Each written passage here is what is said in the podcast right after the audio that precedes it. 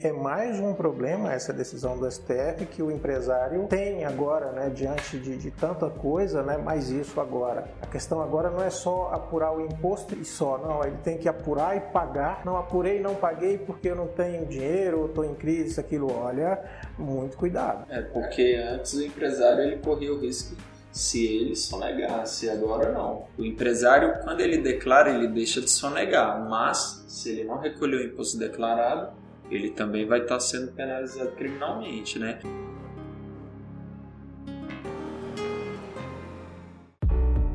Menos imposto, por favor.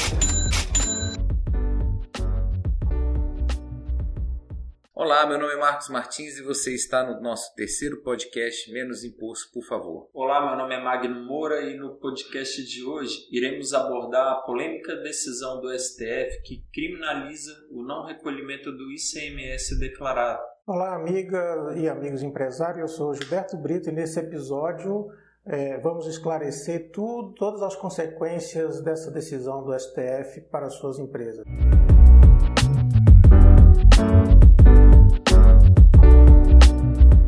Então, pessoal, esse aqui é o nosso terceiro podcast, mas eu quero convidar a todos a ouvir o nosso primeiro podcast.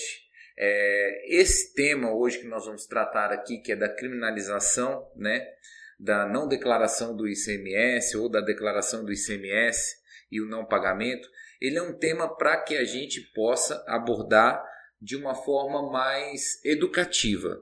Os outros, nossos outros temas foram, foi bem focado na questão de recuperação de crédito, na questão de é, comparativo tributário, mas hoje aqui é, é, um podcast que vai ser mais um alerta, né, Gilberto? Porque é, essa decisão do STF a gente entende que ela é bastante preocupante.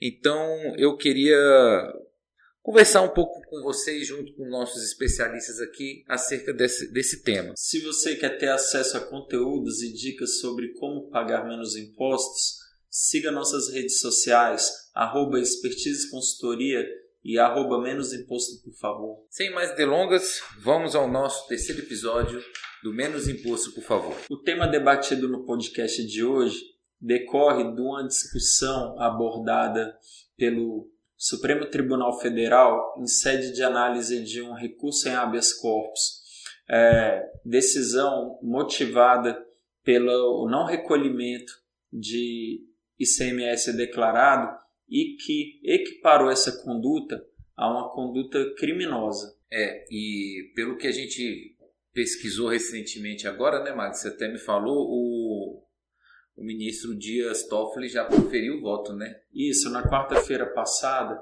é, o ministro Dias Toffoli proferiu o voto positivo à criminalização da conduta, firmando esse novo entendimento que, na verdade, traz uma insegurança jurídica e também desprestigia a atividade empresarial no nosso país. Porque, como a gente sabe, muitas vezes o empresário ele deixa de cumprir com suas obrigações tributárias não por intenção, mas por necessidade. Verdade.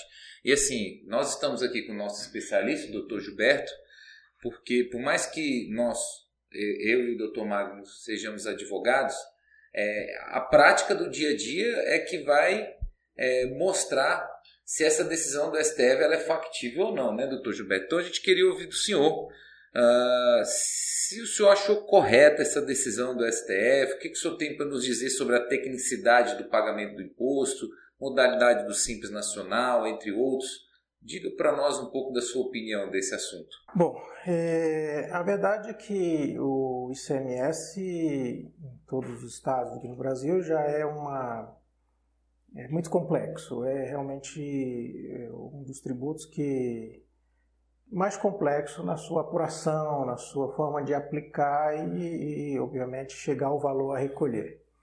É, essa decisão do, do STF, eu acho que só coloca um pouco mais de complexidade ou mais problemas, mais percalços aí em relação à questão do ICMS em todos os estados. Agora, naturalmente, aplicado aí a todos os estados do, do Brasil.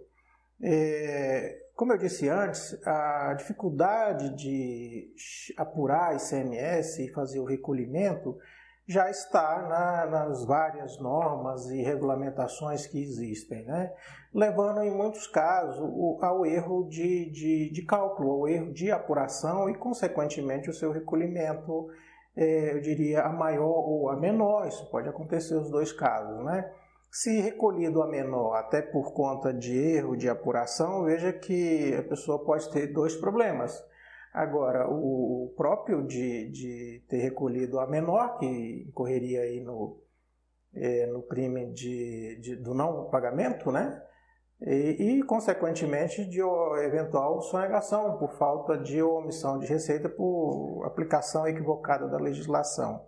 É, então, no meu entendimento, o, essa decisão só complica um pouco mais ou muito mais essa questão da aplicação do ICMS de uma forma geral nas empresas, né?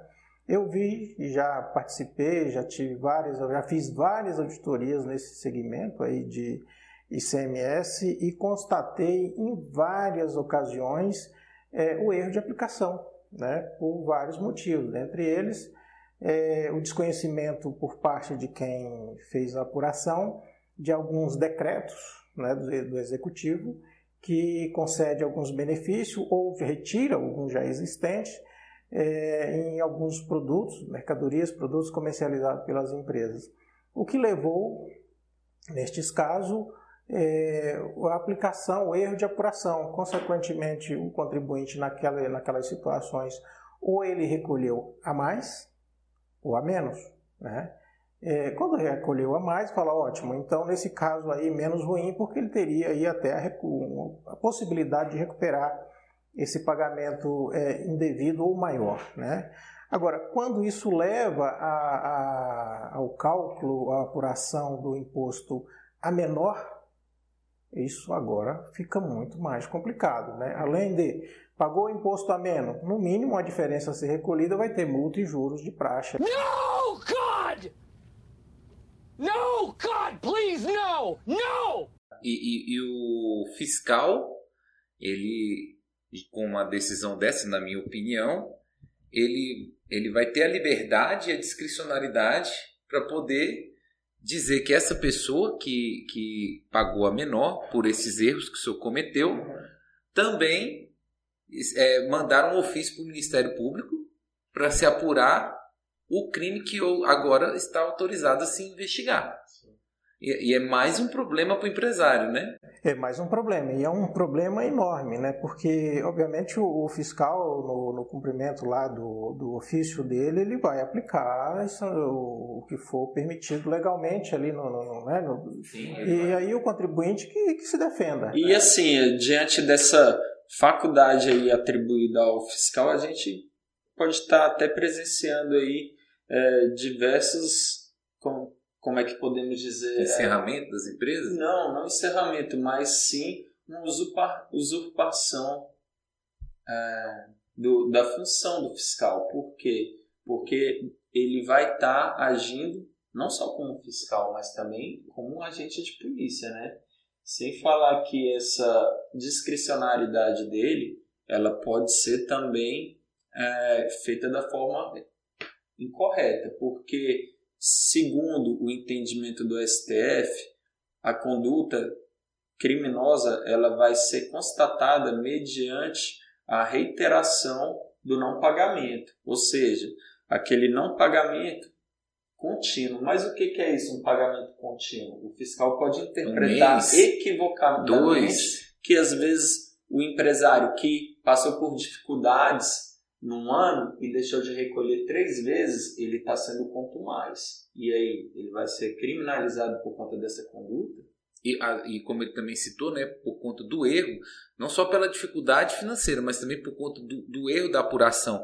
É, é eu vejo assim, o ICMS, ele é um, um tributo de natureza estadual e nós temos um mar de legislação nesse sentido. Então você tem do estado da Bahia um jeito, do estado do DF, de São Paulo, do Acre. E tudo isso a pessoa vai ter que observar da onde que nasce, eh, qual vai ser o da origem, qual vai ser o da, do final, né, Gilberto? Então, assim, eu queria que você explicasse melhor o que o empresário agora, diante de uma situação dessa, vai conseguir é, Qual, qual as dicas, qual a forma como você acha que o empresário vai ter que se precaver numa situação dessa? É, mais do que nunca agora ele tem que dar muita atenção às questões legais da apuração do, do, do, do ICMS, da aplicação das leis estaduais, em cada estado tem as suas, pra, pra, no estado onde ele estiver, para que ele possa aplicar ela de forma correta, né? Bem, ou seja, é, não pode mais negligenciar algumas coisas, tratar essa deixar só para o contador, né? Deixar só com o contador, né? Ele tem que ter aí um acompanhamento técnico de especialistas que possam é, conduzir esse negócio, ou até mesmo é, auxiliar né, eles através de uma, uma consultoria, né? É, até para que ele possa, é, eu diria, diminuir esse risco, né? Ou até mesmo é, tirar esse risco se, se por acaso ele estiver incorrendo nele, e às vezes está e nem sabe, né? Isso é muito comum porque, como você falou, a legislação ela é muito diversa, é muito complexa e precisa de especialistas que possam interpretar e aplicar de forma adequada. Porque é mais um problema essa decisão do STF que o empresário é, tem agora, né, diante de, de, tanta coisa, né, mais isso agora. Então, mais do que nunca, uma, um, um especialista para tratar esses assuntos de principalmente CMS. Eu acho que ele tem que fazer um trabalho especialmente para ICMS. Eu sei que eles não são só contribuintes de ICMS, mas eu, eu gostaria até de pedir aqui, faça isso para ICMS. E assim, Se esforce nesse momento para resolver, para ver se você não está incorrendo em algum risco, em algum problema na sua empresa em relação a somente ICMS. Se concentre nisso porque é, isso vai te ajudar muito, vai ajudar muito os empresários a, a, a ou, primeiro, tomar conhecimento do que está acontecendo, se está em risco ou não, se não tiver, ótimo, né? Agora, se tiver, eliminar esse risco aí, porque a questão agora não é só apurar o imposto e, e, e só, não, ele tem que apurar e pagar, né? Não apurei, não paguei porque eu não tenho dinheiro, estou em crise, isso, aquilo, olha, muito cuidado. É, porque antes o empresário ele corria o risco se ele sonegasse, agora não. O empresário, quando ele declara, ele deixa de sonegar, mas se ele não recolheu o imposto declarado, ele também vai estar sendo penalizado criminalmente, né? E assim, essa situação, sinceramente, é algo que eu vejo com muita tristeza. É um retrocesso de fato, porque parece que a nossa Suprema Corte ela está regressando à época da coroa, em que havia confisco, em que havia prisão por dívidas, né? Porque assim, o empresário ele está obrigado a recolher os impostos, mesmo estando impossibilitado. Caso é. contrário, pode vir a ser preso, né? E assim, eu fico mais triste ainda, por quê? Porque vai ter muita gente sofrendo aí por conta da desinformação. E aí eu digo é o pequeno empresário e o médio empresário. Uhum. Porque os grandes empresários, eles já Sim. têm a estrutura para se né? precaver, eles já conhecem as normas. E aquele pequeno empresário que abriu a sua distribuidora e está comercializando o produto advindo de outra unidade da federação, como que ele fica, né? Uhum. É, o, o, que eu quero ressaltar aqui, obviamente, é que o ICMS é apurado, esse ICMS, obviamente, foi pago pelo contribuinte, pelo quem comprou a mercadoria dele. Então, uhum. falando também sobre isso, é, o empresário tem o dever de apurar e recolher, né? É, e nesse dever dele, muitos que não fazem isso acabam correndo nesse risco aí. Então, mais do que nunca agora, eles devem observar é, o custo do ICMS no produto dele, né? Então, olha, esse, esse produto me custa, eu, eu, tenho que vender tanto, mas tem mais 10% de ICMS, vamos dar um exemplo aqui, e eu não posso deixar de colocar esse custo de 10% no ICMS, porque eu vou recolher. Eu vou cobrar do, do, do, meu cliente, naturalmente, que a pessoa compra a mercadoria e esse CMS está embutido lá no preço, então quem está pagando é o cliente, é o consumidor final, né? E ele tem que ter essa consciência que embutiu o preço dele lá, né? E que vai recolher. Ele simplesmente pega e repassa para o governo. Ou seja, cuidado com, com oh, vou vender mais barato meu, meu produto aqui, porque eu vou tirar esse imposto, aquele lá, então em relação ao meu concorrente eu consigo vender mais barato. Cuidado com isso. ICMS é pago pelo consumidor final, aquele que comprou a mercadoria. Você, como empresário, tem o dever de apurar e repassar para o governo. É essa a questão. É, eu, eu, eu só queria fazer uma pergunta antes da gente passar para o nosso outro bloco. É, em relação ao Simples Nacional, em relação às outras modalidades, tem alguma especificidade sobre esse recolhimento ou não? Bom, no Simples Nacional a gente tem lá a nomenclatura ICMS naquela guia única, né? Então, obviamente, acredito eu que se aplica também, né? Já que a gente está falando lá que, que é, sobre ICMS, o não recolhimento do ICMS, então no Simples Nacional, em que pese as empresas recolherem uma guia única com vários impostos ali, mas o ICMS também está ali. Né? Então, em relação a ICMS, sim, penso eu, as empresas do Simples Nacional também podem ser é, é, é atingidas por essa, por essa norma, por essa decisão. Né? É, justamente porque nós estamos falando de ICMS. Então, o Simples Nacional, as empresas comerciais do Simples Nacional são contribuintes do ICMS também. Né? Então, Gilberto, e assim, antes da gente passar para o nosso próximo bloco, eu fico bastante chateado também, triste com essa situação, porque essa, esse crime ele pode se assemelhar a uma conduta que está proibida na Constituição, que é a prisão civil. Porque veja só, é, você acabou de citar que o empresário, por desconhecimento, é, ele pode declarar é, e, não pagar. Também, por, como o próprio Magno disse, por dificuldade financeira. Dificuldade financeira. Ele vai declarar e não vai conseguir pagar. Ele não tem dolo de, de sonegar, ele não tem dolo de lesar o fisco. É a vontade, né? né? Ele não intenciona lesar o fisco, mas isso é o que a gente tem visto aí no, na Suprema Corte, né? Que constantemente tem criado aberrações jurídicas. Ou seja, nesse caso, o que, que eu vejo?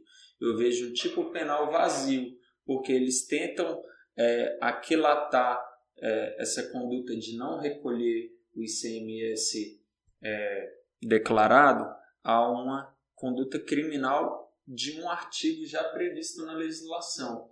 Que, se não é me engano. forçar para o cara pagar, né? Isso. Que não se, se não me engano, se não foge a memória, é o artigo 2 inciso 2 da Lei 8.137, que é a Lei de Crimes contra a Ordem Tributária.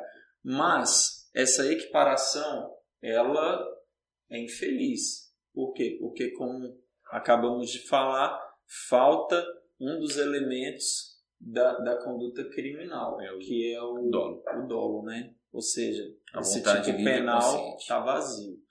É, e assim, o artigo 5 inciso 67 da Constituição Federal veda a prisão civil, né? O próprio Pacto de São José da Costa Rica, ele também ele proíbe a, a prisão civil salvo por, por alimentos, É, né? dívida de pensão alimentícia. Exatamente. E assim, o, o crime de sonegação está previsto na Lei 4.729 de 65, artigo 1 inciso 2, a pena de ambos, que, os- que você acabou de dizer também, do, da, do artigo 2 da Lei 8.137, a, a, a pena é de seis meses a dois anos. Aí muitos vão falar assim: ah, mas isso daí, se o cara for primário, de bons antecedentes, ele pode ter uma proposta do Ministério Público para suspender o processo, etc e tal. Legal, mas ele ainda vai continuar empresário. Ele ainda vai continuar sofrendo dificuldades para poder pagar esses tributos declarados. Então pode ser que num, num primeiro momento ele tenha essa benesse, mas se vier o fiscal novamente e, e- e- imputar, é, mandar um ofício para o Ministério Público imputando para ele esse tipo que o STF aprovou, ele não vai ter mais novamente o benefício do sursi processual, do acordo do Ministério Público. Ou seja, aquele acordo que ele já tinha feito pode cair e ele vai ter outro processo criminal. As penas podem se somar. Ah, mas será que ele vai ser preso? Não sei. Eu só sei que essa decisão é uma decisão, ao meu ver, muito, muito, muito vazia, como o próprio Dr. Magno disse. É, na verdade, eu acredito que algo que vai extinguir a punibilidade é o recolhimento do tributo. Ah, sim. Como acontece claro. na- na- nos crimes contra a ordem tributária. Sim. Então, assim, a gente vê que a- o Supremo Tribunal Federal ele está utilizando esse recurso como uma forma de obrigar, de coagir o empresário a fazer qualquer coisa para recolher o ICMS. Ou Exatamente. seja, ela está desprestigiando até a função social da empresa. Perfeitamente. Dentre essas funções é de gerar emprego, porque esse posicionamento faz a gente entender que o poder público ele prefere que o empresário demita um funcionário do Encerra a atividade, né? do que o empresário recolha um imposto. Bom, agora a gente. Ou, perdão, do que o empresário deixe de recolher o imposto. Perfeitamente. Concordo em número, gênero e grau. É, antes da. Antes não, agora a gente vai passar para o nosso jogo rápido com o especialista, Dr. Gilberto.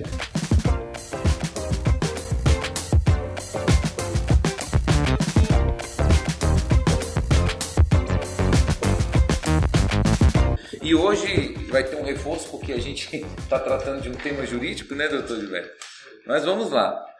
É, ó, pessoal, antes da gente passar por esse bloco que é do nosso bate-bola, eu queria que vocês é, compartilhassem esse conteúdo para atingir mais pessoas, para atingir. É, vamos, fazer um desafio.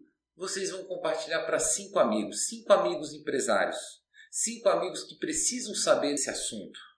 E quem sabe esses cinco amigos não vão compartilhar com mais outras pessoas e vai atingir um número grande de empresários, pelo menos para eles terem a ciência de que podem ou não estar cometendo algum tipo de delito. Vamos lá, primeira pergunta, Magno. Faça ela aí para nós.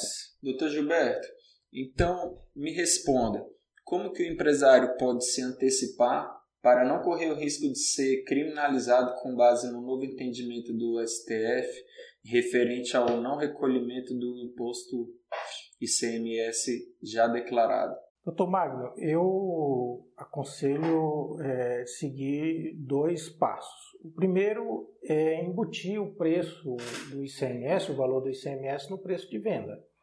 Porque, como a gente sabe, o ICMS é pago pelo consumidor final, então aquele que compra o produto dele. E se, no exemplo que eu quero dar aqui, se alguém entra na loja da, do empresário e compra um produto de 100 reais, e o ICMS, vamos dar aqui um exemplo, seria 10%, ele tem que ter a consciência que o 10 reais pertence ao governo. É ICMS deve ser recolhido ao, ao governo.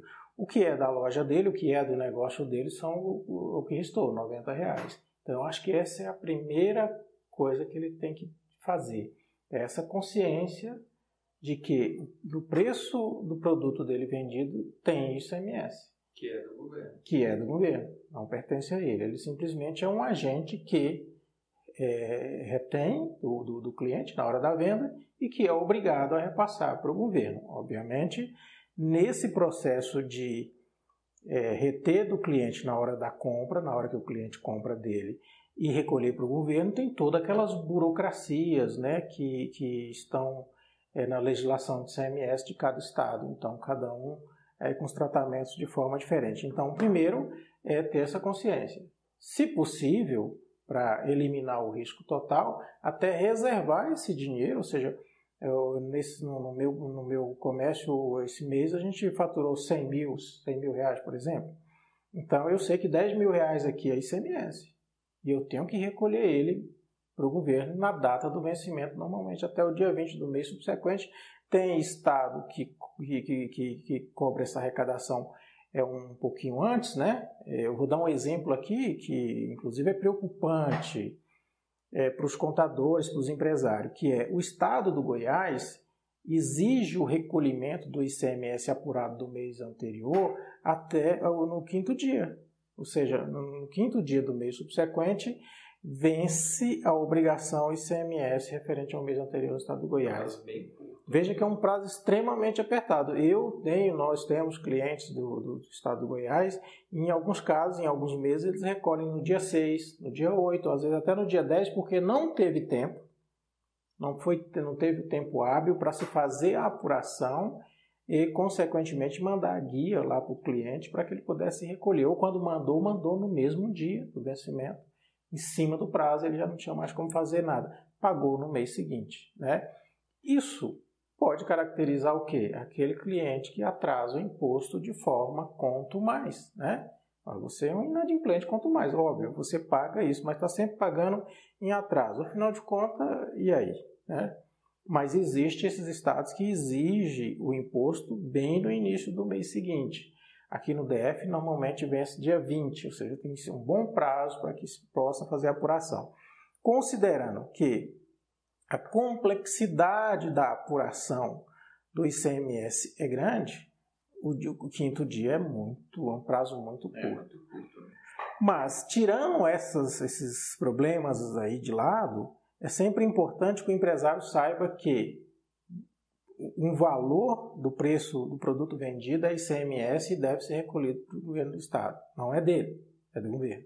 Não né? pode ser destinado para outra. Não pode ser destinado para outra coisa. Até aconselho, eu se eu, eu diria que olha, eu, vou, eu criaria uma conta bancária específica para ICMS. É, eu lembro até de um ditado que é antigo, falava-se assim: pague os tributos e evite os brutos. Então, infelizmente, é, até minha pergunta era nessa, nesse sentido de Nesse contexto, existe alguma forma de justificar ou não o recolhimento sem que eu responda criminalmente? Você colocou aí diversas formas de tentar é, evitar. evitar. evitar. Mas e se ocorreu? Ocorreu um, ocorreu dois meses, Será que nós vamos criminalizar essa pessoa? O que, que você entende que a gente pode, é, num recurso administrativo ou até mesmo numa, numa defesa junto ao Ministério Público, numa defesa criminal, se justificar desse, dessa declaração do não recolhimento?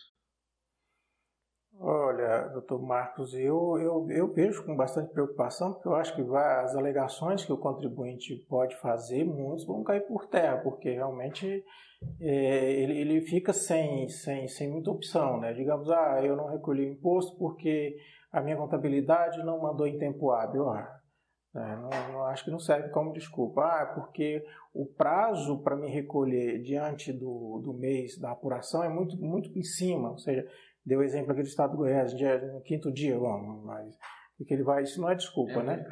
É, e, e, por outro lado, é, pode, ah, a legislação é muito complexa, a gente não consegue entender, eles vão dizer, bom, procura um profissional especialista que entenda. O desconhecimento e, da lei né, não é, é uma matéria escusável. Exatamente.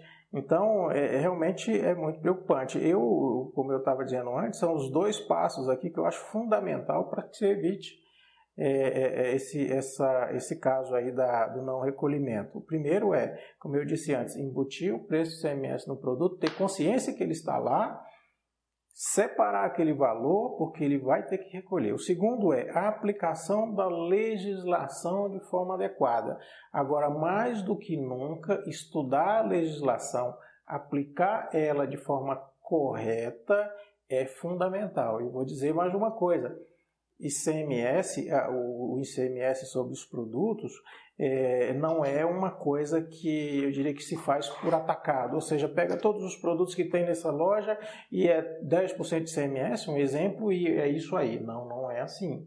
Em muitos segmentos, o ICMS é distinto, ou seja, diferente para produtos, vários produtos diferentes que ele tem na loja. Ou seja, ele tem que saber, primeiro é, uau, esses, esses produtos aqui da família X, o ICMS é assim que se aplica, de acordo com a legislação.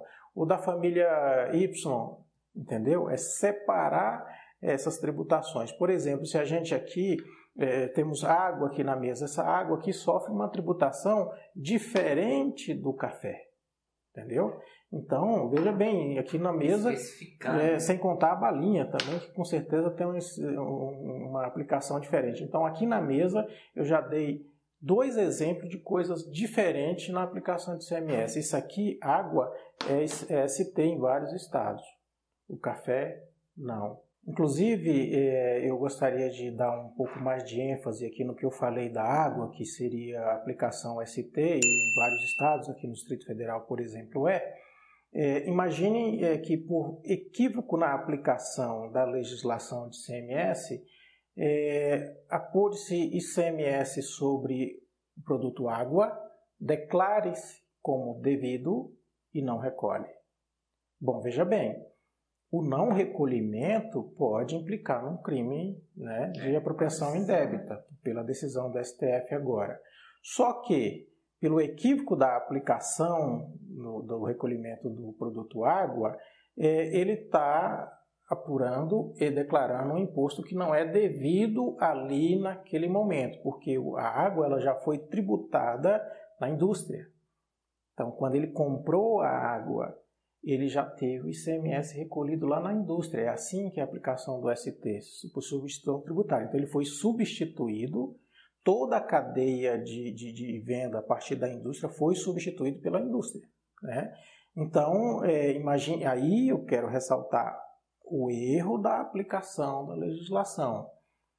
Por, por equívoco, apura-se ICMS indevido no produto água, declara e não recolhe então ele pode sofrer uma penalidade é, um penal, né? Sim. Por recolhimento de um imposto que ele não deve. Olha. Entendeu? Então, ressalto. Isso. Esse segundo ponto da aplicação correta, adequada da legislação é extremamente importante. Ou seja, mais do que nunca se torna necessário o acompanhamento aí da, da atividade empresarial por uma consultoria tributária.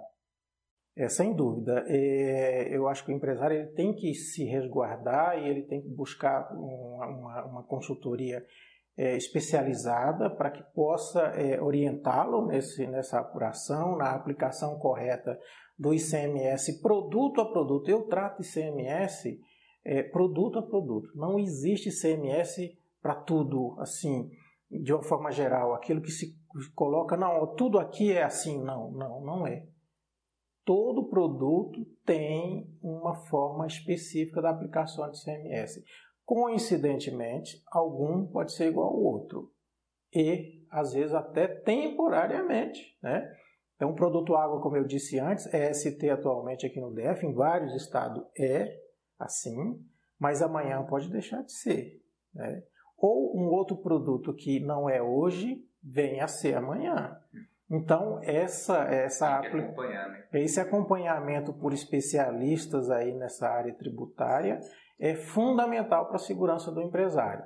É fundamental. Bom, então, pessoal, como vocês acabaram de observar, é de extrema importância e relevância estudar sobre o tema é, da tributação do ICMS da sua declaração, porque hoje, pela nossa decisão da Suprema Corte, configura-se aí crime, né? Você declarar e não pagar o ICMS.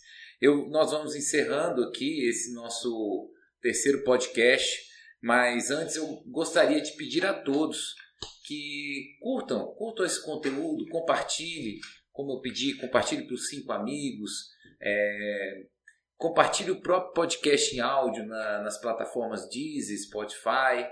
É, curta nossa página do Facebook, curta nossa, no, nossa página que é do Menos Imposto, por favor, também na internet. E fica aí essa dica para vocês. Não esqueçam de ativar nossas notificações, porque essa é a forma de vocês receberem o conteúdo assim que postado. É isso aí, pessoal. Estamos encerrando e menos imposto. Menos imposto, por, por favor. favor. Um abraço a todos, fiquem com Deus. Menos imposto, por favor.